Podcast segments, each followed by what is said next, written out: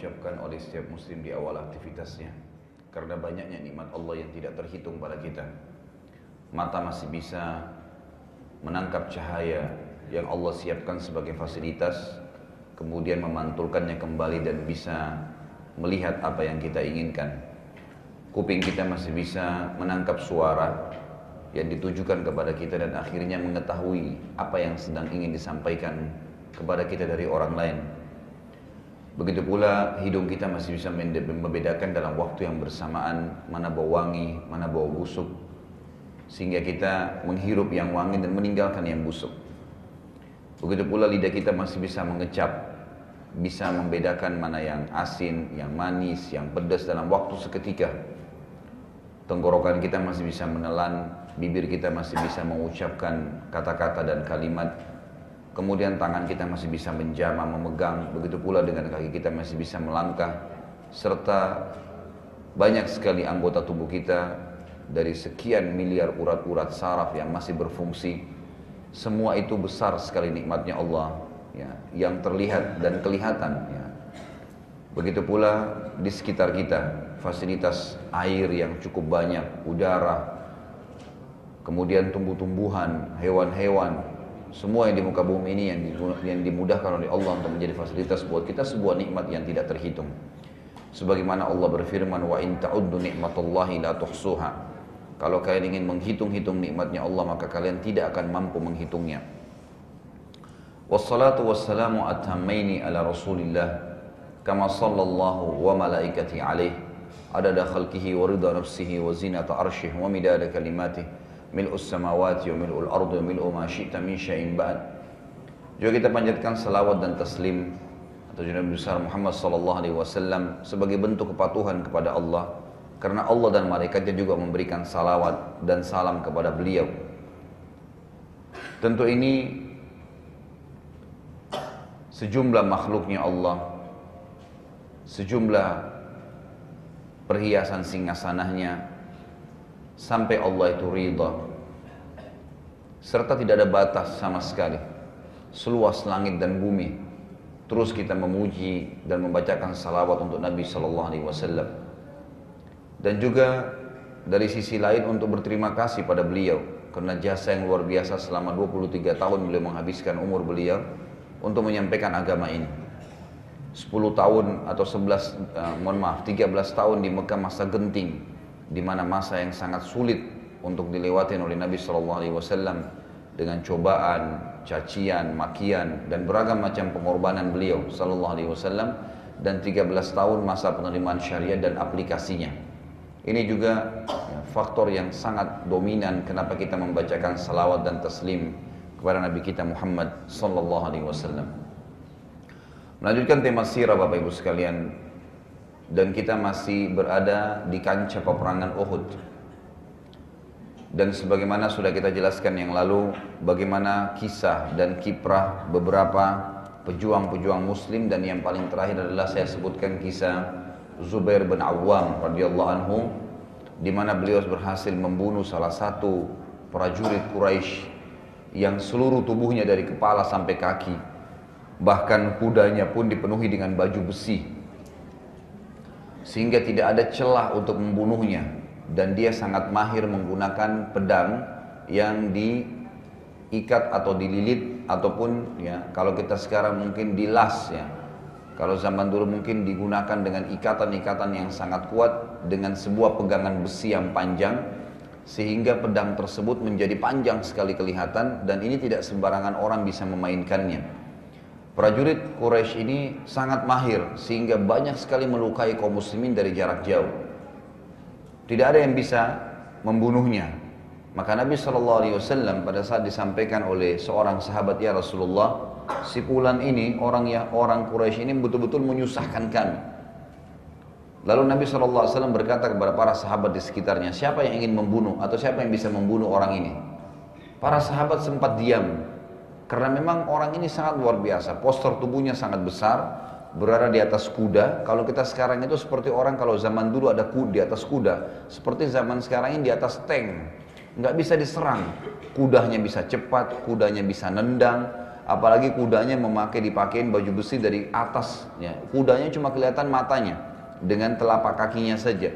Ya yang lainnya semua digunakan besi. Begitu pula orang yang tunggangin di atasnya jadi seperti sedang mendekati mobil tank gimana caranya menyerang gitu kemudian ditambah lagi dia menggunakan senjata yang sangat eh, panjang kuat dan mahir dalam memainkannya maka sulit sekali didekatin Nabi SAW ulangin dua kali, sahabat masih diam. Diulangin tiga kali, masih diam. Begitu Nabi SAW selesai mengucapkan ketiga kali, dan baru Nabi ingin mengucapkan yang keempat kali, maka Zubair bin Awam berkata, saya ya Rasulullah, saya akan menghadapinya. Dan saya sudah berikan gambaran Zubair bin Awam ini termasuk bodyguardnya Nabi SAW.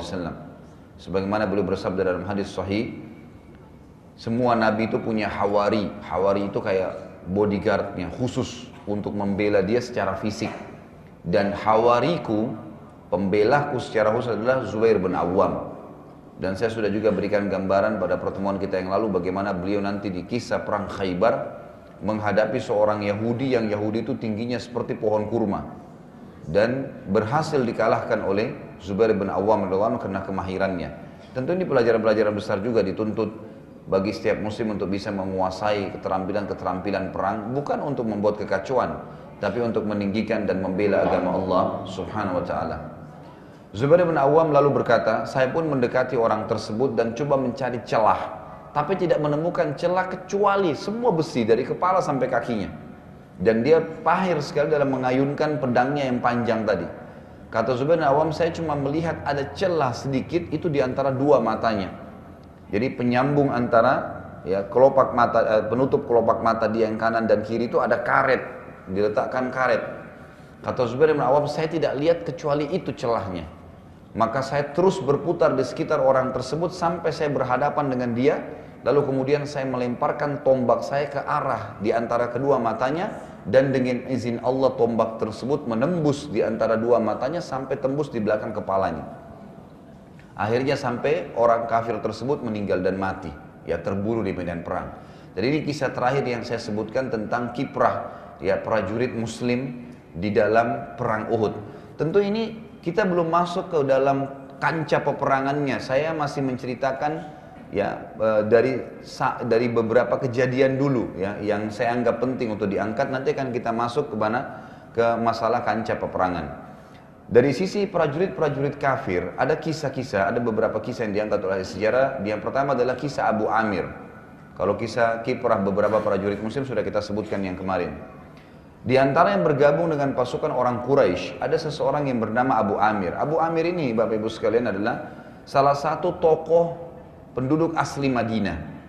Jadi sebelum Nabi SAW tiba di Madinah, hijrah, dan sebelum Islam menyebar di sana, Abu Amir ini sudah disepakati oleh masyarakat Madinah untuk diangkat menjadi raja. Pada saat Nabi SAW Islam sudah menyebar di sana di tangan Musa bin Umar radhiallahu anhu, sahabat Nabi yang jadi dai waktu itu. Kemudian Nabi SAW juga sudah akan hijrah, apalagi pada saat sudah hijrah, maka masyarakat meninggalkan Abu Amir karena Abu Amir nggak mau masuk Islam. Abu Amir nggak mau tetap dalam keadaan kufur. Maka para orang-orang Ansar meninggalkannya karena mayoritas sudah masuk Islam. Kecuali kalau dia tetap dia masuk Islam maka mungkin akan dinobatkan gitu kan, akan diangkat jadi kepala suku atau raja mereka. Tapi ternyata enggak gitu.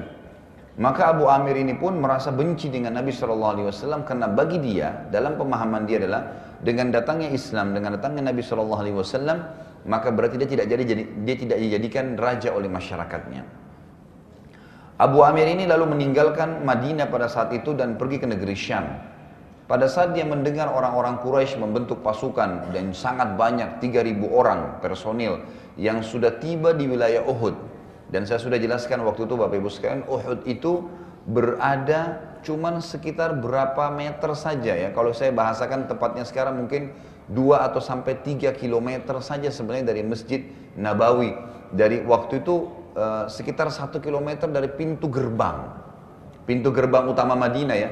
Jadi kita bayangkan kalau ini pintu gerbang besar Madinah, di depannya itu sudah ada. Di depannya sudah ada apa namanya? Sudah ada pasukan orang-orang Quraisy. Pasukan orang-orang Quraisy.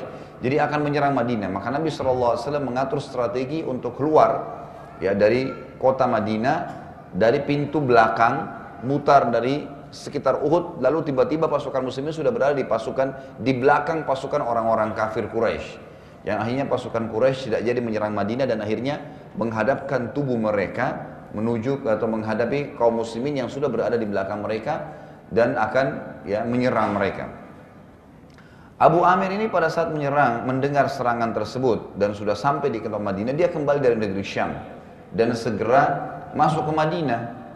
Masyarakat Madinah menganggap dia bukan pasukan Quraisy, lalu dia masuk. Kemudian dia coba mau mempengaruhi para sahabat yang sudah beriman dari orang-orang Ansar waktu itu dari masyarakat Madinah untuk menjadi pengikutnya dan menobatkan dia kembali jadi raja. Tapi mereka menolak karena Abu Amir ini nggak mungkin jadi raja setelah adanya Nabi Shallallahu Alaihi Wasallam. Terlebih lagi dia dalam keadaan kafir. Maka dia pun bergabung dengan beberapa orang munafik di Madinah, kemudian keluar dan dia tahu, ya, dia dapat informasi Nabi Shallallahu Alaihi Wasallam akan berperang di wilayah Uhud karena Nabi instruksikan, coba jadikan Uhud itu di belakang pundak pasukan dengan di sisi kanannya. Jadi sisi kanan pasukan muslimin dengan belakang nggak bisa diserang oleh orang-orang kafir Quraisy. Tapi yang bisa hanya dari sisi depan dan dari sisi kiri yang lebih cenderung dekat dengan pintu gerbang kota Madinah itu ada 50 pemanah Nabi Shallallahu Alaihi Wasallam yang siap menghadang orang-orang Quraisy yang akan menyerang dari sisi kiri pasukan. Abu Amir ini Bapak Ibu sekalian membuat lubang-lubang di sekitar ya, e, tempat tadi yang pasukan muslimin akan ya, bertempat di situ. Dia dengan beberapa teman-teman lalu menutupi lubang-lubang tersebut sehingga seakan-akan tidak kelihatan jadi seperti tempat untuk menjerat gitu kan. Abu Amir ini pun akhirnya membuat lubang-lubang tersebut dan nanti akan kita lihat di akhir peperangan Uhud. Ya pada saat muslimin terdesak dan sempat kalah dalam beberapa saat waktu itu. Ya beberapa saat saya katakan dan bukan kalah mutlak ya. Dan nanti akan kita jelaskan. Nabi SAW sempat jatuh di salah satu lubang yang dibuat oleh Abu Amir ini.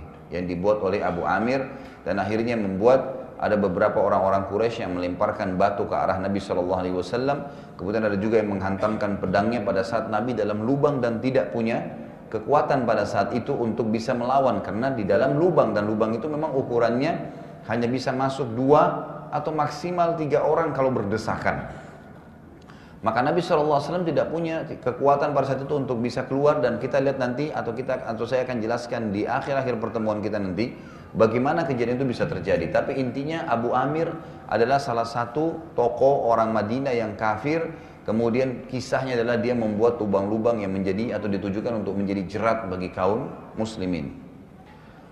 Kemudian kita masuk ke kisah yang lain, ya kisah Jubair bin Mut'im. Jubair bin Mut'im ini salah satu tokoh Quraisy. Dia memiliki seorang paman, paman kandungnya yang dia sangat hormatin, pengganti ayahnya waktu itu karena ayahnya juga sudah mati, maka dia sangat menyayangi pamannya ini dan pamannya ikut di perang Badr dan ternyata terbunuh di tangan kaum muslimin. Maka Jubair bin Mut'im ini pun berkata kepada salah satu budak yang dia miliki bernama Wahsy. Dan dia berkata, "Wahai Wahsy, kalau kau bisa membunuh pamannya Muhammad, maksudnya Hamzah, radhiyallahu anhum sebagai balasan karena Muhammad telah membunuh pamanku di di Badr, maka aku akan anggap kamu bebas. Ini sebuah riwayat ya. Wahsy sempat berkata, pada saat aku mendengarkan janji tersebut, aku pun niat masuk ke kancah peperangan, ikut di Uhud itu, bukan jadi ini sudah di kancah peperangan ya, sudah di medan perang, baru dikatakan kalimat ini. Ini dalam satu riwayat. Maka Wahsy berkata, aku pun masuk ke kancah peperangan bukan untuk berperang. Tujuannya hanya mencari mana paman Muhammad Sallallahu Alaihi Wasallam. Kemudian ya dia tanda kutip SAW ya karena ini saya menyebutkan nama beliau Sallallahu Alaihi Wasallam. Maka dia mengatakan saya masuk ya ke kancah peperangan tidak niat ikut berperang tapi hanya untuk mencari pamannya Muhammad. Karena saya ingin bebas dari keterbudakan. Ini sebuah riwayat. Riwayat yang lain Wahsy ini adalah budaknya Hindun ibn Utbah. Hindun binti Utbah ini adalah istrinya Abu Sufyan. Istrinya Abu Sufyan. Tentu nanti Hindun masuk Islam. Nanti di pembebasan kota Mekah, Hindun akan masuk Islam. Tapi ini kisah masih di perang Uhud, masih tahun 3 Hijriah. Hindun ini sempat sakit hati karena di awal peperangan Badar kalau Bapak Ibu masih ingat ada tiga orang yang keluar dari orang-orang Quraisy tiga-tiganya ini adalah saudara kandungnya uh, Hindun ya, kakaknya dia yang bernama Walid ya Ibn Utbah. Kemudian ada juga pamannya yang keluar bernama Syaibah gitu kan. Syaibah ini paman kandungnya Hindun juga terbunuh. Jadi Walid kakaknya terbunuh Hindun eh, apa namanya Syaibah juga pamannya terbunuh dan Utbah ayahnya juga terbunuh. Jadi tiga orang ini terbunuh di perang Badar. Maka Hindun sakit hati waktu itu dan dia berkata kepada ya, seorang budak ada riwayatnya yang mengatakan budaknya dia bernama Wahsy tadi dan berkata kepadanya wahai Wahsy kalau kau bisa membunuh ya, membalas dendamku kepada Muhammad atau siapa saja kerabatnya yang kau temukan maka saya akan anggap kamu bebas. Jadi waktu itu Hindun sebenarnya tidak fokus kepada Hamzah radhiyallahu anhu, tetapi siapa saja kerabat Nabi yang ditemukan yang terdekat maka bunuh saja. Mungkin Ali bin Abi Thalib, mungkin Hamzah, mungkin siapa saja. Pokoknya siapa saja yang kau temuin bunuh, beritakan ke saya maka saya akan apa namanya bebaskan kamu dari keterbudakan. Jadi ini kurang lebih gambaran daripada kisah wahsy, apa kisah yang terjadi pada saat itu uh, Jubair bin Mut'im dan belum kita bicara tentang proses pembunuhan Hamzah di tangan Wahsy. Nanti akan ada ceritanya tuh. Tapi sekarang saya berikan gambaran dulu beberapa kejadian di sekitar kancah peperangan pada saat akan berkecamuk. Kemudian juga ada kisah Suaib. Suaib ini salah satu budak Bani Abdiddar. Bapak Ibu perlu tahu, sebelum berangkat pasukan Quraisy dari Mekah, mereka menyerahkan bendera kepada suku Abdiddar. Abdiddar ini kalau masih ingat dulu adalah salah satu turunan atau kakek Nabi Shallallahu Alaihi Wasallam. Dan ini sukunya Nabi sebenarnya, gitu kan? Tapi yang tidak beriman kepada risalah Nabi Muhammad Shallallahu Alaihi Wasallam. Waktu itu Bapak Ibu sekalian, Suku Badi Abdiddar ini tugasnya karena mereka sangat kuat secara fisik, mereka pintar, punya keterampilan dalam strategi perang, maka mereka yang selalu diberikan bendera. Dan zaman dulu itu patokan kekuatan pasukan berada di bendera. Berada di bendera. Siapa yang pegang berarti itu dianggap orang yang terkuatnya dari pasukan itu. Gitu kan. Jadi dia bisa memegang bendera dengan tangan kanan atau tangan kiri, kemudian tangan yang sebelahnya dipakai pedang dengan pedang untuk menyerang. Memang dia punya kemahiran itu, orang yang pegang bendera. Jadi dia bukan cuma sekedar pegang bendera, tapi dia bisa menyerang dengan tangan yang yang yang kosong dari bendera tadi. Baik Bapak Ibu sekalian, suku Bani Abdiddar ini waktu perang Badar sempat kalah di perang Badar dan mereka yang pegang bendera. Abu Sufyan berkata kepada mereka, "Wahai suku Abdiddar, kalau kalian akan melakukan hal yang sama di perang Badar, jatuh lagi bendera kita dan kalah, maka dari sekarang serahkan kepada kami benderanya." Maka suku Bani Abdiddar mengatakan, ya waktu itu kebetulan ada uh, satu orang dari pimpinan suku Abdidar yang masih kafir namanya Abu Talha.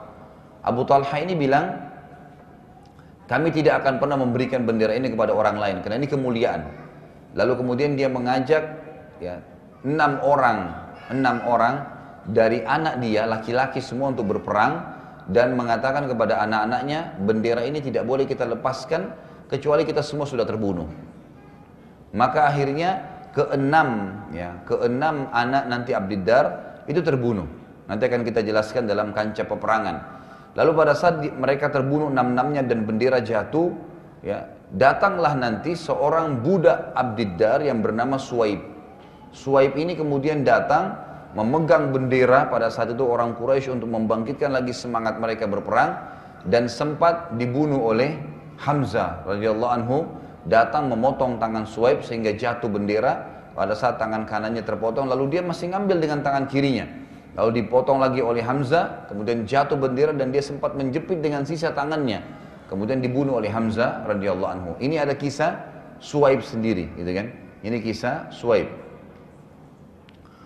baik Bapak Ibu sekalian kita akan masuk sekarang ke kisah kancah peperangan jadi peperangan pada saat berkecamuk ya seperti apa kira-kira jadi kita seakan-akan insya Allah hari ini dengan izin Allah hadir di perang Uhud itu seperti apa sih pada saat terjadi kecamuk peperangan pada saat pasukan sudah saling serang saya katakan tadi di awal patokan kekuatan pasukan ada di ya, bendera. Dan siapa yang pegang bendera berarti orang terkuat. Dan pasukan itu dianggap masih menang walaupun banyak yang terbunuh selama benderanya masih ada yang pegang. Di sini perilaku dan sistem yang dipakai ini sangat dipahami oleh tiga orang sahabat yang mulia. Dan tiga orang sahabat ini luar biasa perannya dalam kancah peperangan Uhud di awal-awal peperangan. Itu adalah Hamzah, Ali, dan Asim ibn Thabit radhiyallahu anhum. Tiga orang ini sepakat, ya, Hamzah paman tentunya, Ali keponakannya, kemudian Asim ini sepupunya Ali. Sepakat tiga-tiganya, begitu masuk peperangan, kita nggak usah lawan prajurit-prajuritnya Quraisy. Cari siapa yang pegang bendera serang. Itu yang dilakukan. Maka pada saat itu, Hamzah dan Ali pun bersama dengan Asim tadi langsung menuju ke tengah-tengah kancah peperangan dan sengaja menjadikan target adalah orang yang pegang bendera. Dan pada saat itu yang pegang bendera adalah anak-anaknya Abu Talha tadi saya bilang. Yang terjadi yang luar biasa adalah pada saat mereka mendekati pemegang bendera dan ini tidak disangka oleh orang-orang Quraisy karena biasanya pemegang bendera ini berada di tengah-tengah pasukan. Dan zaman dulu kita tahu kalau saling menyerang satu sama yang lain, ya pada saat mereka masuk, ya mereka membabi buta gitu kan menyerang siapa pun tapi Hamzah dan Ali serta Asim sudah mengatur strategi untuk menangkis saja ada orang yang sempat tertusuk ya tertusuk musuh. Tapi dia mengatur strategi tiga-tiganya terfokus kepada pemegang bendera. Dan akhirnya ketiganya ini berhasil membunuh anak pertama Abu Talha. Dan dengan seketika pada saat itu bendera Quraisy jatuh. Sementara ini pasukan baru bertemu gitu kan? Dan ini menandakan kekalahan karena bendera jatuh. Melihat bendera jatuh, sempat menjadi pukulan yang berat bagi pasukan Quraisy karena bendera sangat besar dan kelihatan pada saat jatuh tandanya simbol kekalahan.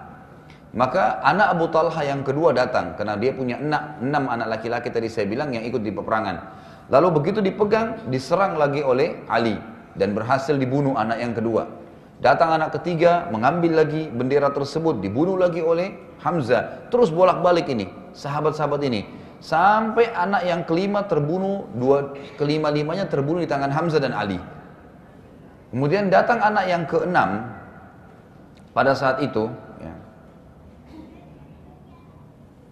Anak yang keenam ini pada saat datang mengangkat bendera, Hamzah dan Ali masih sibuk ya menangkis serangan dari sekitar bendera tadi. Kemudian Asim datang dan berhasil membunuh anak keenam Abu Talha sehingga terbunuhlah. Pada saat itu ada seorang wanita anaknya Abu Talha. Dia ini anak yang ketujuh sebenarnya, tapi karena wanita dia nggak ikut berperang.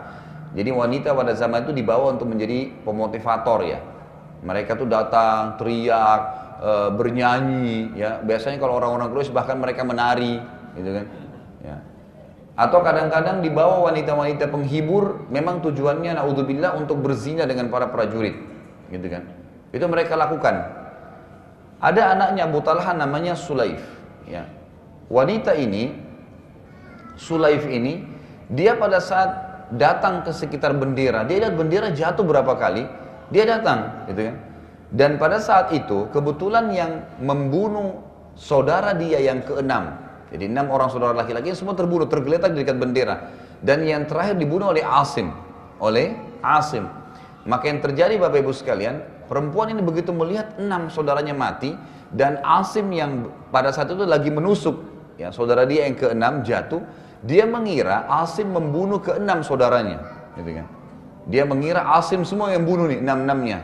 Lalu dia teriak, ya si perempuan ini Sulaif ini berteriak dengan suara keras sambil berkata, memang ini perempuan-perempuan sudah ditugaskan ya, memang di, di, di kancah peperangan dia teriak, dia memotivasi, memang begitu, ya.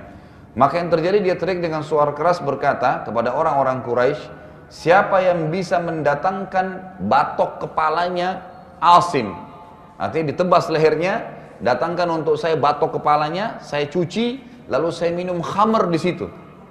Kata si Sulaif ini ya, saya minum khamar di situ, setelah saya minum saya akan penuhi batok kepalanya Asim dengan emas dan saya kasih kepada pembunuhnya.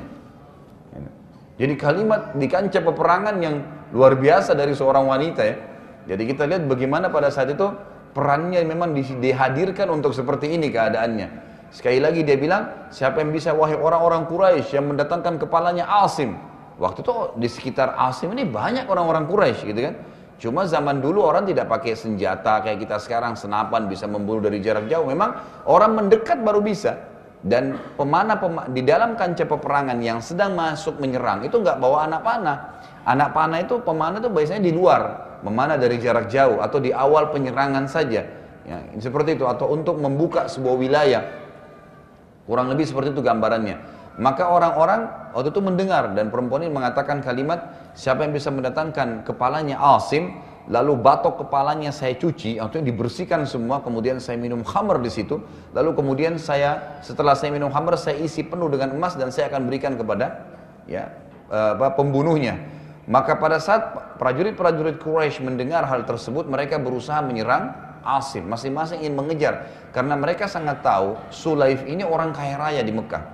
Jadi dan dan memang kalau dia ucapkan itu dia akan memberikan.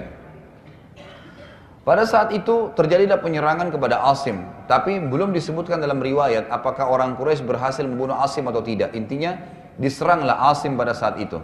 Saya belum menemukan sampai sekarang ada riwayat yang menyebutkan Asim terbunuh di tangan orang-orang Quraisy, gitu kan? Bahkan tidak disebutkan nama beliau termasuk eh, salah satu dari syuhada Uhud.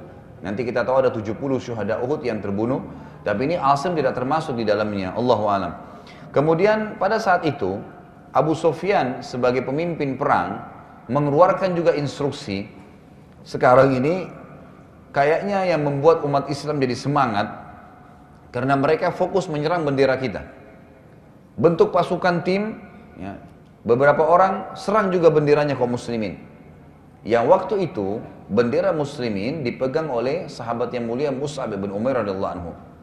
Mus'ab bin Umair juga orang yang sangat kuat, ya, ahli perang. Nanti kita akan lihat memang terbunuh nanti akhirnya di tangan orang-orang Quraisy. Pada saat itu terjadilah atau memanaslah peperangan karena memang satu sama lain saling menyerang bendera. Jadi tadinya berhadapan satu lawan satu, sekarang sudah enggak. Di mana ada bendera, di situ berkumpul pasukan, gitu kan? Pasukan muslimin berkumpul di benderanya orang kafir, pasukan kafir berkumpul di benderanya kaum muslimin.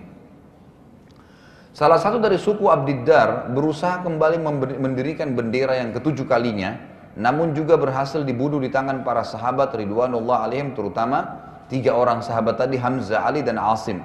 Maka bendera Quraisy pun terjatuh yang ketujuh kalinya. Pada saat itulah datang Suwaib tadi yang saya ceritakan di awal budak Abdiddar yang hanya juga dibunuh atau terbunuh di tangan Hamzah yang berdiri yang mendirikan bendera tersebut sampai kedua tangannya ter, eh, terpotong dan juga akhirnya ditusuk oleh Hamzah radhiyallahu dan terbunuh. Juga pada saat itu ya, sahabat-sahabat ya, yang terkenal di kancah peperangan yang memiliki peran yang sangat besar agar bendera juga itu tidak berdiri lagi dari jarak jauh ya. Itu ada seseorang yang bernama Sa'ad bin Abi Waqqas. Sahabat ini terkenal juga ahli strategi perang dan ahli memanah. Saat radhiyallahu anhu pada saat itu terus memanah ke arah orang-orang kafir Quraisy dari kancah peperangan dan kebetulan dia berada di sebelah Nabi Shallallahu Alaihi Wasallam. Sambil Nabi berkata, wahai Sa'ad, panahlah, wahai Sa'ad, memanalah. Kata saat baik ya Rasulullah. Lalu kata Nabi SAW, saya mempertaruhkan ayah dan ibuku untuk muhai saat. Dan ini biasa istilah dipakai oleh orang-orang Arab dulu. Ini bukan sumpah ya, tapi sebagai bentuk penghormatan gitu kan. Artinya saya akan hormatin kamu sebagaimana saya hormatin kedua orang tua saya. Ya, bi abi anta wa ummi. Biasanya para sahabat juga mengucapkan itu ya. Seperti Abu Bakar, Umar, Uthman, Ali, beberapa sahabat sering mengucapkan kepada Nabi SAW de, uh, ayah dan ibu saya sebagai tebusannya ya Rasulullah. Maksudnya saya akan hormatin anda sebagaimana saya hormatin orang tua saya. Kata saat belum pernah ada sahabat ya Nabi Shallallahu Alaihi Wasallam yang Nabi gunakan kalimat ini kecuali saya di kancah Uhud. Kata Nabi SAW, bi abi ummi ya saya jadikan ayah dan ibu saya wahai saat sebagai kedudukannya gitu kan. Saya akan posisikan kamu seperti itu memanalah. Kata saat maka saya pun memanah dengan semangat karena ini adalah suatu penghormatan yang diberikan kepada saya. Terjadilah peperangan pada saat itu, ya, saat melihat pasukan muslimin telah menang, sebagian besar sahabat ya, pada saat itu gembira melihat ya peperangan betul-betul bendera jatuh, bendera jatuh dan pada saat jatuh yang ke-8 kali bendera tadi, dibunuhnya budak Abdiddar yang namanya Suaib, tidak ada lagi orang Quraisy yang mengangkat bendera. Dan pada saat itu seketika saja, seketika pada saat bendera sudah jatuh dan di sekitar bendera, bendera yang tergeletak, ada delapan orang yang jatuh terbunuh di situ. Di sekitar bendera, orang Quraisy semua, gitu kan. Jadi untuk mengambil bendera kembali, pasukan Quraisy harus menginjak jenazahnya mereka.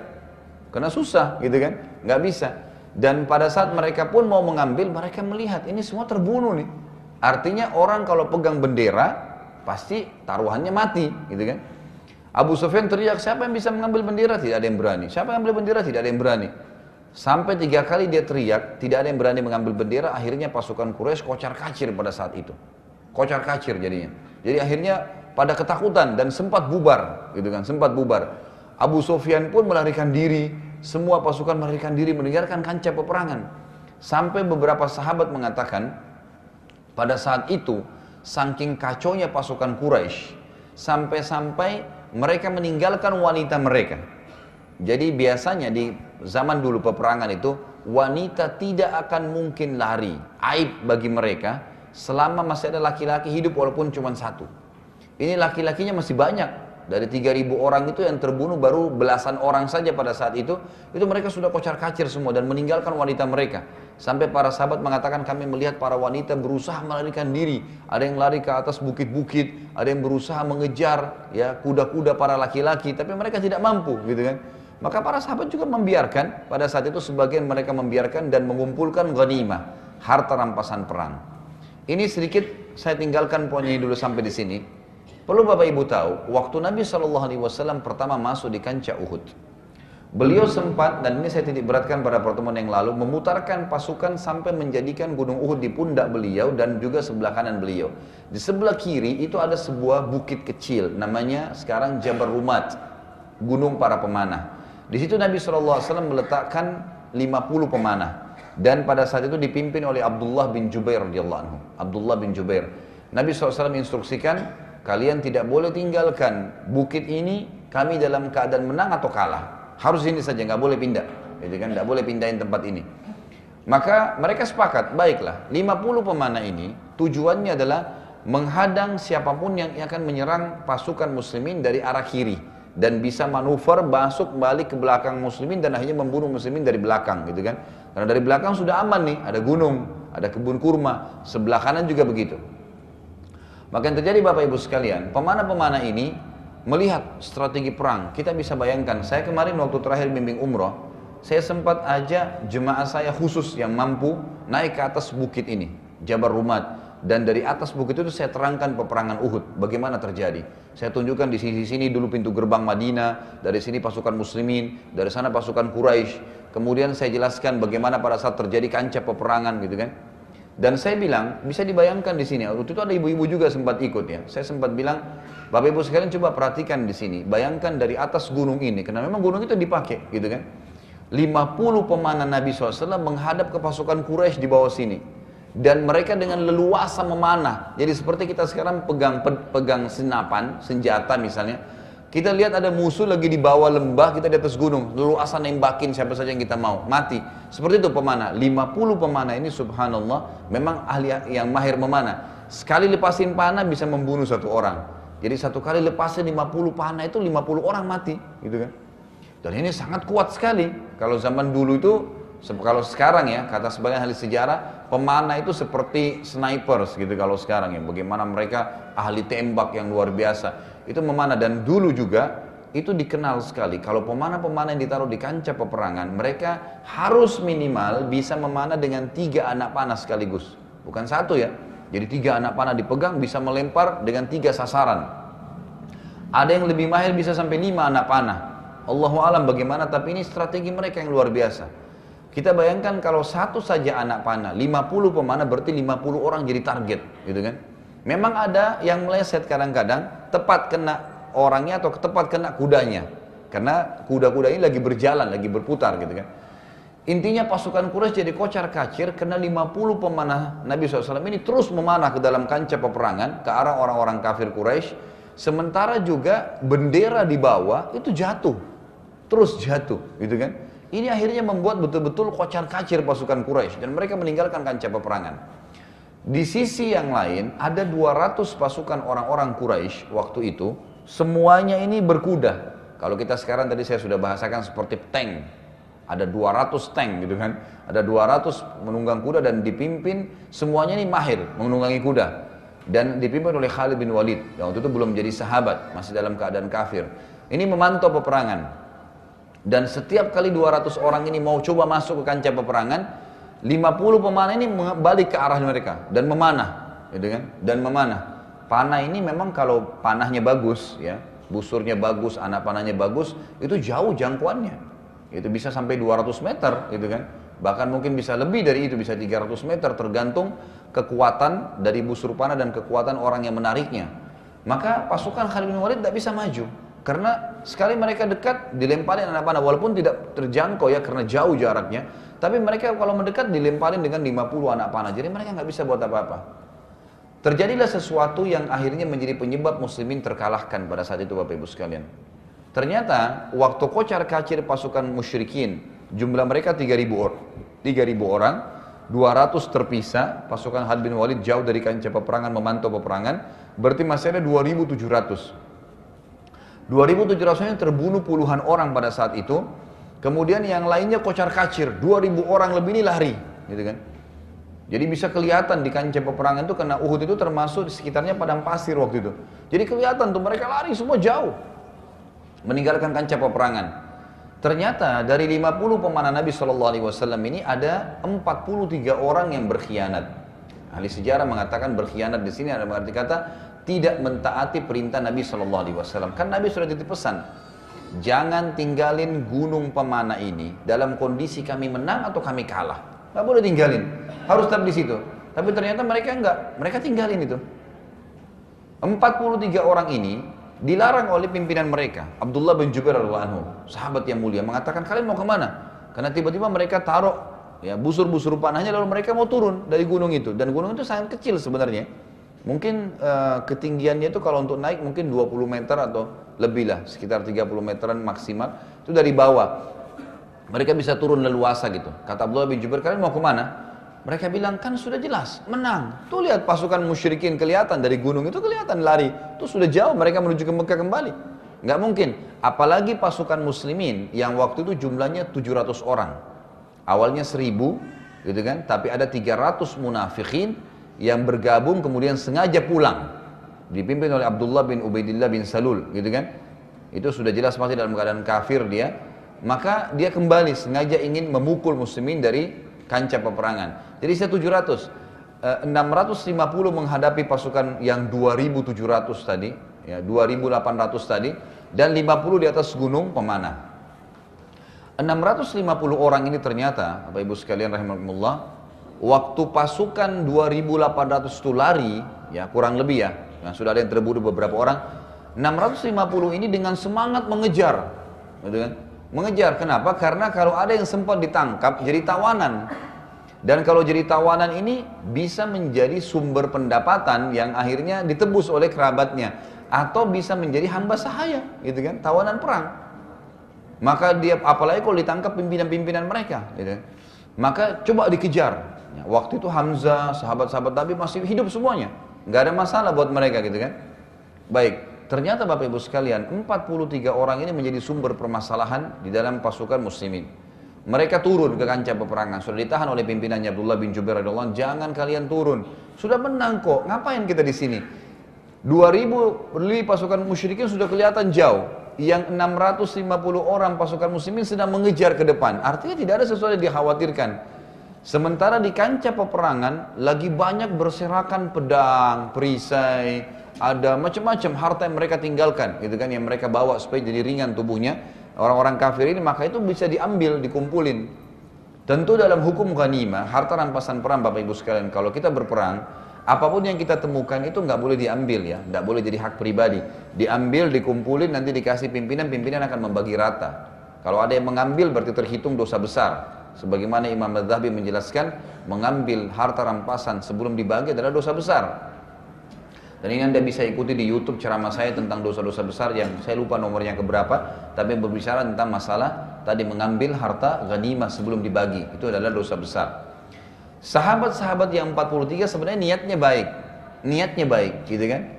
Jadi mereka turun itu untuk mengumpulkan harta ghanimah supaya memudahkan nanti pasukan yang 650 ini tetap menyerang, mereka balik ghanimah sudah terkumpul. Itu tujuannya. Niatnya baik sebenarnya. Tapi permasalahannya ini melanggar ya instruksi dari pemimpin. Ini tolong digarisbawahi Bapak Ibu sekalian. Ini awal bencana. Kalau ada seseorang yang di bawah naungan seorang pemimpin lalu dia melanggar instruksi pemimpin tersebut yang tidak berbau maksiat kepada Allah ini dosa kepada Allah Subhanahu wa taala. Jadi nggak boleh kita buat masalah ini. Harus paham ya. Kata Nabi SAW pentingnya pemimpin dalam Islam kalau kalian sedang safar dua orang atau tiga orang minimal. Ya, dua orang berarti minimal kan gitu. Atau tiga orang kata Nabi SAW maka hendaklah menunjuk salah seorang dari kalian menjadi pemimpin dan mereka wajib patuh pada pemimpin tersebut. Suruh singgah singgah, suruh makan makan. Memang begitu dalam Islam, wajib mematuhi pemimpin, nggak boleh instruksinya dilanggar. Siapa suruh mengangkat dia pemimpin kalau memang tidak mau, pulang ya pulang, harusnya begitu. Gitu kan? Sebagaimana juga dalam sholat, imam kita pemimpin, nggak boleh dilanggar. Ya ruku-ruku. Kita baru datang, saya belum baca Al-Fatihah Ustaz. Imamnya ruku, ya tetap ruku. Gitu kan? Memang sudah begitu perintahnya. Kalau imamnya lagi sujud, ya kita datang, kita ikut takbir sujud. Gitu. Perintahnya seperti itu. Jadi begitu pemimpin dalam Islam. Sama dengan pemimpin perang, pemimpin negara. Selama tidak berbau maksiat kepada Allah, nggak boleh ada ya, e, pembangkangan. Di sini kata ulama, Allah memberikan pelajaran kepada muslimin di perang Uhud hanya karena melanggar tita pemimpin mereka. Jadi bukan hanya karena Nabi Wasallam ya. Pemimpin pada saat itu plus lagi dia adalah seorang nabi. Dilanggar. Sudah dikatakan kalau kalian menang, kalau kita menang atau kalah, jangan tinggalkan gunung itu sampai saya yang membolehkan. Kata Nabi SAW. Belum ada perintah. Turunlah 43 orang itu Bapak Ibu sekalian ke kancah peperangan, sisa tujuh orang. Nah pada saat sisa tujuh orang ini, 200 pasukan Khalid bin Walid ya, yang tidak ikut-ikutan dalam kancah peperangan memang dari dari tadi nih dari awal peperangan memantau masalah itu dan tahu kekuatan muslimin di atas gunung tadi maka mereka manuver kemudian naik ke atas gunung membunuh tujuh orang tadi setelah dibunuh tujuh orang tadi oleh Khalid bin Walid lalu dia balik menyerang muslimin dengan 200 pasukan tadi dari belakang terdengarlah suara kita bayangkan Bapak Ibu sekalian zaman dulu ini orang teriak-teriak gemuruh gitu kan Pasukan muslimin, eh, pasukan musyrikin ini orang-orang musyrikin meneriakkan yel-yelnya mereka. Gitu kan? Menyebut-nyebut nama Tuhan mereka. Orang Islam kaget yang 650 yang lagi lari nih, lagi maju ke depan ini. Itu mereka lagi ngejar musuh orang musyrik di sana. Kok ada yel-yelnya orang musyrik di belakang, gitu kan? Ini dari mana asal muasalnya? Maka sebagian pasukan musyrik yang di belakang pasukan balik. Balik berusaha untuk melihat apa yang kejadian. Ternyata ada 200 orang. Gitu kan? Dan sebagian ahli sejarah mengatakan yang sempat mendengarkan yel itu jumlahnya sedikit cuma puluhan orang. Yang lain pasukan muslimin ini masih maju ke depan mengejar yang 2000 orang tadi yang puluhan ini balik terjadi peperangan dengan orang-orang musyrik tadi tapi ini diserang dari belakang ya seperti kita kalau lagi berlari tiba-tiba ada yang serang dari belakang kita balik ya diserang tiba-tiba banyak sekali korban pada saat itu ada muslimin atau banyak muslimin yang jadi korban pada saat itu karena memang ya kejadiannya diserang tiba-tiba. Kemudian suara demi suara ribut terjadi peperangan di belakang dan pasukan musyrikin sudah jauh tadi yang 2000 lebih. Pasukan muslimin ini akhirnya mendengarkan ada suara ribut di belakang nih. Pasukan muslimin yang di depan tadi itu balik. Coba melihat keadaan gitu. Karena mendengar yel-yel orang musyrik, itu kan dan ada orang Islam yang terbunuh, ada yang takbir, terbunuh, ada yang teriak mengenai nama Allah terbunuh. Maka orang-orang muslimin balik. Pada saat muslimin balik, mereka sudah dalam keadaan kacau nih keadaannya. Orang musyrik lagi nyerang, maka terjadi tabrakan antara pasukan muslimin sendiri. Gitu kan? Sampai akhirnya ada beberapa sahabat yang saling membunuh satu sama yang lain waktu itu karena tidak tahu. Yang dari depan balik, yang sudah hadapin orang musyrik juga di tengah-tengah, orang musyrik di belakangnya. Maka pada saat itu gimana cara membedakannya? Sulit membedakannya. Gitu kan? Karena orang-orang musyrik sudah sudah saya jelaskan ya. Imamah yang dipakai di kepala itu, itu dipakai oleh orang muslim, dipakai oleh orang kafir pada saat itu. Semuanya pakai imamah sama. Semua pakai baju besi, ya. Yang muslim pakai baju besi, yang orang kafir juga pakai baju besi. Membedakannya itu kalau memang lagi berhadapan satu sama yang lain. Tapi kalau lagi di kancah peperangan sulit membedakan. Sampai-sampai ada di antara sahabat yang terbunuh, yaitu Yaman radhiyallahu anhu, ayahnya Huzaifah bin Yaman yang terkenal sahabat Nabi yang mulia. Maka Huzaifah bin Yaman mengatakan pada saat ya pasukan dari muslimin kembali dan pasukan Khalid bin Walid menyerang kami dari belakang, maka salah satu dari puluhan orang yang awalnya berusaha kembali untuk menyerang pasukan musyrik itu adalah ayahku yang bernama Yaman. Dan aku sempat teriak berkata kepada kaum muslimin, wahai muslimin, hati-hatilah karena yang kalian sedang serang adalah ayahku, tapi sudah terlanjur. Kan itu. Karena orang kalau sudah pada saat bertemu begitu, orang sudah nggak tahu intinya adalah bagaimana membunuh lawannya, gitu kan? Maka terbunuhlah Yaman secara salah pada saat itu. Dan Huzaifah bin Yaman berkata, Semoga Allah memaafkan kalian khilaf tersebut. Dalam situasi demikian, Bapak Ibu sekalian, Nabi SAW melihat keadaan. Nabi SAW melihat keadaan pada saat itu. Tentu dari, mohon maaf tadi saya bilang 650 orang, ada eh, dari 650 pasukan yang mengejar orang musyrik tadi yang tidak ikut. Di antaranya Nabi SAW ya, Nabi SAW dan ada kurang lebih ahli sejarah mengatakan di sekitar Nabi itu hanya 8 orang. Hanya delapan orang. Yang lainnya pada ngejar musuh tadi. Nabi SAW waktu lihat keadaan tersebut teriak dengan suara keras mengatakan, Kumpullah wahai hamba-hamba Allah di sekitarku. Aku adalah Rasulullah dan tidak ada kebohongan di situ. Namun pada saat itu kancah peperangan lagi ribut, gemuruh, suara kuda, suara pedang, debu lagi, ya naik semuanya kena ya, injakan-injakan kaki kuda. Jadi jadi kacau lagi kacau. Jadi tidak ada yang dengar suara Nabi kecuali sedikit di antara mereka. Maka terkumpullah pada saat itu yang di sekitar Nabi saja itu delapan, sembilan orang, mohon maaf. Tujuh dari orang Ansar dan dua dari Muhajirin. Jadi sembilan orang inilah yang berhadapan atau menemani Nabi Wasallam. Tapi sembilan orang ini, gitu kan, waktu perlu diketahui juga, waktu orang-orang e, Muslimin mulai kembali, yang 650 tadi itu, itu kembali untuk melihat keadaan. Orang-orang musyrik yang 2000 lebih yang tadinya dikejar itu lihat kita sudah nggak dikejar nih. Dari kejauhan mereka lihat gitu kan? Kayaknya orang Islam ini lagi lari ke arah gunung Uhud. Ada apa nih? Mereka kembali nih yang 2000 lagi. Yang pasukan orang musyrik kembali ke kancah peperangan gitu kan? Waktu mereka mendekat, mereka melihat ternyata pasukannya Khalid bin Walid lagi berperang di belakang sama muslimin. Maka 2000 orang ini menyerang muslimin. Jadi orang Islam lagi berada di tengah-tengah. Di depannya berhadapan 200 pasukan musyrikin, di belakangnya 2000 lebih ini yang kembali, yang tadi dikejar, kembali menyerang muslimin. Akhirnya terjadi korban yang sangat banyak pada saat itu dan pada saat Khalid bin Walid melihat pasukan musyrikin dari jauh sudah menyerang, mereka mengangkat yel-yel mereka, suara ribut kan, 2000 orang semuanya mengangkat suaranya, maka terdengar pasukan muslimin yang 600 tadi lebih itu kembali lagi ya gitu. melawan yang 2000 ini jadi kekacauan luar biasa nih. Kembali melawan yang 2000 yang 200 ini dibiarin. Yang hadapin cuma segelintir orang. Maka pasukan Khalid bin Walid yang 200 itu leluasa menyerang sekitar Nabi Shallallahu Alaihi Wasallam gitu kan. Terbunuhlah tujuh orang dari Ansar tadi. Dari sahabat Nabi yang mulia di sekitar Nabi Shallallahu Alaihi Wasallam. Dan pada saat itu Tinggal dua orang saja yang menemani Nabi Sallallahu Alaihi Wasallam. Ya. Dari dua orang sahabat ini berusaha untuk menemani Nabi Sallallahu Alaihi Wasallam, tapi sayangnya waktu itu mereka tidak punya kekuatan menghadapi 200 ya. Waktu itu sebagian sejarah mengatakan ada sebagian dari pasukan Khalid terbunuh 3-4 orang. Tapi masih banyak dan menyerang hanya 9-10 orang dengan Nabi Shallallahu Alaihi Wasallam, gitu kan? Mereka berusaha melawan tapi akhirnya terbunuh tujuh orang, sisa dua orang saja. Waktu itu, waktu itu Nabi Shallallahu Alaihi Wasallam terpukul mundur dengan dua sahabat ini. Terpukul mundur dengan dua orang sahabat. Akhirnya Nabi SAW jatuh ke lubang yang dibuat oleh Abu Amir. Jatuh dalam lubang yang dibuat oleh Abu Amir bersama dengan dua sahabat itu. Tadi saya ceritakan di awal lubang itu hanya cukup untuk satu, dua orang, maksimal tiga tapi mepet semuanya. Tiga-tiganya jatuh di lubang yang sama.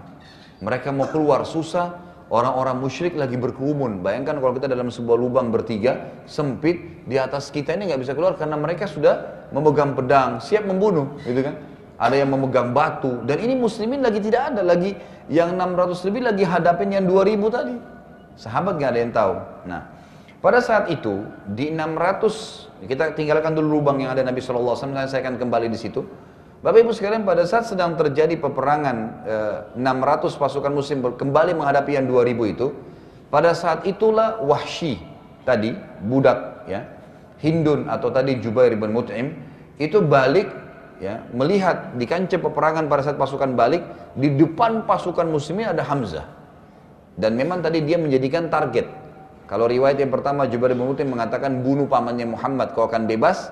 Kalau Hindun mengatakan bunuh siapa pun kerabatnya Intinya kedua riwayat ini kalau kita satukan ya Muhsyi pas melihat Hamzah radhiyallahu anhu. Hamzah ini orang yang sangat kuat. Fisiknya sangat kuat, tinggi besar, gitu kan? Dan Hamzah ini termasuk di dalam pasukan muslimin yang bisa berperang dengan dua tangan. Jadi kiri kanan pegang pedang, gitu kan? Jadi biasanya pasukan biasa itu normalnya kanan pegang pedang, kirinya pegang perisai. Ini enggak, dua-duanya pedang, dua-duanya dipakai menyerang gitu. Dan fisiknya sangat kuat radhiyallahu anhu. Saya sudah ceritakan waktu itu waktu pertama beliau masuk Islam ya. Hamzah itu kalau berburu di Mekah, yang dia buru itu bukan rusa, bukan kelinci, tapi singa, harimau, gitu kan. Itu jadi dia bunuh di, di padang pasir, digendong sama dia singa masuk ke Mekah. Sendirian, karena kuatnya fisiknya radhiyallahu anhu. Wahsy ini juga budak hitam yang kokoh, kerak, kekar. Membawa tombak yang khusus memang, dia untuk membunuh, ya karena untuk bebas dari keterbudakan. Dia bilang, saya pun kata Wahsy, nanti Wahsy ini masuk Islam ya. Nanti masuk Islam, subhanallah. Setelah nanti pembebasan kota Mekah. Dia bilang, saya pun mencari posisi di mana Hamzah ini. Susah sekali. Badannya kekar, bajunya ada baju besinya, gitu kan. Kemudian dia memang luar biasa. Dia tidak sembarangan, sabetan pedang kena itu tidak membunuhnya. Wahsy mengatakan sampai saya mendapatkan posisi, dia lagi sibuk, lagi melawan beberapa orang Quraisy maka saya pun melempar tombak di antara tubuh-tubuh orang-orang Quraisy. Gitu kan? Jadi di antara orang Quraisy itu ada celah, dari situ dilempar sama Wahsy. Ya, tersasarkan kepada Hamzah radhiyallahu anhu. Kenalah Hamzah pada saat itu, ya dan sempat mengenai perutnya karena kerasnya lemparan tersebut sampai tombak itu tembus ke belakang. Gitu kan? Kata Wahsy, ya Wahsy cerita nih, pada saat dia sudah masuk Islam, dia bilang pada saat saya melemparkan tombak ke arah Hamzah dan kena ke perutnya, Hamzah mengetahui kalau tombak itu dari saya. Dia meninggalkan semua musuhnya dan mengarah ke saya-saya. Jadi sudah kena tombak pun belum mati nih. Hamzah dikatakan mengarah ke arah saya dan saya sangat ketakutan. Karena saya tidak mungkin bisa mengalahkan Hamzah. Padahal tombak sudah tembus di perutnya. Dia pun menarik tombak tersebut. ya Dan ini orang kalau kena tombak atau anak panah nggak boleh ditarik tarik berarti dia akan ngucur darahnya dan bisa mati. Dia masih bisa bertahan kalau ada di tubuhnya gitu kan. Nanti pelan-pelan dikeluarkan dengan cara supaya tidak memuat darah ngucur. Hamzah menariknya. Hamzah radhiyallahu menarik di depan Wahsy dan orang-orang Quraisy pada saat lihat Hamzah tarik ketakutan semua. Karena masih hidup gitu kan. Ditarik dia masih hidup, dia masih tarik kekangan kudanya menuju ke Wahsy. Nah dia ingin menyerang Wahsy karena Wahsy yang melemparnya gitu. Kata Wahsy saya pun berusaha lari gitu kan berusaha dan tidak berani hadapin Hamzah. Sampai akhirnya setelah berjalan beberapa uh, apa namanya jarak gitu kan Hamzah pun merasa lemah dan tiba-tiba dia jatuh dari kudanya radhiyallahu anhu. Maka saya pastikan bahwasanya Hamzah terbunuh pada saat itu. Perlu kita tahu juga sedikit di sini kisah Wahsy. Wahsy radhiyallahu anhu ini akhirnya masuk Islam. Ya di zaman uh, pembebasan kota Mekah. Dan Wahsy ini kalau Bapak Ibu nanti akan dengar, kita akan tahu kalau atau pernah dengar namanya Musailam al-Kadzab. Musailam al-Kadzab ini adalah uh, orang yang mengaku nabi di zaman akhir hidupnya Nabi Muhammad SAW. Makanya dikatakan al-Kadzab, pembohong. Karena dia juga mengaku nabi. Nabi masih hidup dia sudah mengaku nabi. Tapi waktu itu pengikutnya 100 ribu orang. Dari sukunya dia mengakui dia sebagai nabi. Tapi beberapa pengikutnya akhirnya jadi sahabat nantinya ya masuk Islam kemudian mereka saling menukil mengatakan pada saat ya Husaylam al-Kadzab menjadi mengaku nabi, kami sebenarnya tahu dia bohong. Tapi karena fanatisme kesukuan membuat kami mengatakan baiklah dia nabi. Dan sudah pernah saya ceritakan ya, sedikit saya reviewkan. Musailam al-Kadzab ini pernah didatangin oleh para pengikutnya waktu dia pertama-tama ngaku nabi nih. Berkata, e, itu nabi yang di Hijaz, yang di Madinah tuh, dia sempat meludah di sebuah sumur. Jadi kebetulan ada orang-orang Ansar, Bapak Ibu sekalian lagi gali sumur nih. Lagi gali sumur, kemudian sumurnya itu airnya asin. Datanglah mereka kepada Nabi SAW lalu berkata, Ya Rasulullah, kami setengah mati gali sumur, sumurnya airnya asin. Coba anda lihat. Nabi SAW ke sana, terus Nabi SAW berdoa sama Allah, lalu meludah ke sumur itu. Waktu Nabi SAW meludah, ini salah satu mujizat Nabi SAW, air sumur dari asin menjadi tawar. Berubah, ini hadis Bukhari. Mujizat Nabi SAW. Pengikut Musailamah Al-Kadzab berkata apa? Wahai Nabi Musailamah, bagi mereka begitu kan? Nabi yang di Hijaz meludah di sebuah sumur, asin menjadi tawar. Kami punya sumur nih, airnya tawar. Coba kau ludahi juga. Mungkin bisa jadi lebih enak airnya gitu. Dalam riwayat ini dikatakan Musailamah datang ke sana lalu komat kamitkan mulutnya dan dia meludah setelah itu airnya lebih busuk dari bau bangkai. Ini kisah nyata. Kemudian dan ini sudah bukti nyata kalau dia bukan nabi, bohong gitu kan, nggak mungkin. Kisah yang lain Nabi SAW punya tradisi waktu di Madinah dan masyarakat Madinah sering kerjakan dan Nabi mendiamkan itu berarti bagian dari syariat gitu kan. Seringkali kalau ada bayi baru lahir dibawa kepada Nabi SAW. Seperti itu Abdullah ibn Zubair radhiyallahu anhu, radhiyallahu anhu waktu baru lahir lalu didatangkan di depan Nabi SAW. Nabi SAW mengelus kepalanya, mendoakan, kemudian memakan, mengunyah kurma, namanya tahnik. Ya. Disunnahkan kalau anak baru lahir ditahnik bagi orang dari orang tuanya atau orang soleh kurma dikunyah sampai halus sekali kemudian ditempelkan di langit-langitnya. Tempelkan. Maka Nabi SAW sering lakukan itu kepada bayi-bayi muslimin di Madinah. Gitu kan? Pada saat itu, Nabi SAW didatangkan seorang bayi dari Ansar. Kebetulan bayi itu waktu lahir rambutnya, ya, apa namanya, rambutnya e, tipis, gitu kan? Bahkan sebagian rambut tidak tumbuh di kepalanya. Maka mereka membawa kepada Nabi SAW, Nabi tahnik, Nabi doain. Pada saat Nabi SAW elus kepalanya, rambutnya tumbuh. Bayi itu. Tiba-tiba yang bagian kepala gak ada rambutnya itu tumbuh rambutnya. Ini juga hadis Bukhari menjelaskan. Bapak Ibu bisa ikutin di ceramah saya tentang mujizat Nabi SAW. Ini ada juga di Youtube tentunya. Jadi pada saat itu tumbuh rambutnya. Ternyata pengikutnya Musailemah dengar nih. Bilang lagi pada Musailemah. Itu Nabi yang di Hijaz tuh dia elus kepalanya bayi, rambutnya nggak ada jadi tumbuh. Nah ini ada bayi kami, ada bayi, ada bukan bayi, anak-anak ya. Rambutnya lebat, tapi kami mau coba kamu elus juga supaya tambah bagus gitu. Subhanallah begitu didatangkan anak tersebut dielus oleh Musailamah gugur rambutnya. Dan dalam kisah ini dikatakan apa? Gundul. Anak itu jadi gundul sampai dia mati nggak ada rambutnya. Dan semua keturunannya keturunan dari laki-laki itu ya itu semuanya gundul. Jadi kalau ada yang lahir gundul, nggak ada rambutnya, khawatir keturunan sana nih. Bercanda ya. Karena memang di situ disebutkan dalam riwayat Bukhari bahwasanya yang dielus oleh Musa al rambutnya gugur semua dan gundul sampai dia meninggal, nggak ada rambutnya sama sekali. Dan dia melahirkan punya anak gundul juga. Memang nggak ada rambut sama sekali, dari lahir nggak ada rambut sama sekali. Justru karena kenapa? masalah dengan Musailamah al-Kadzab ini. Musailamah al-Kadzab ini, Nabi SAW waktu itu perintahkan agar menyelesaikan urusan dengan dia, artinya membunuhnya. Gitu kan? Dibentuklah pasukan, tentu ada pasukan tersendiri, nanti akan kita bahas itu.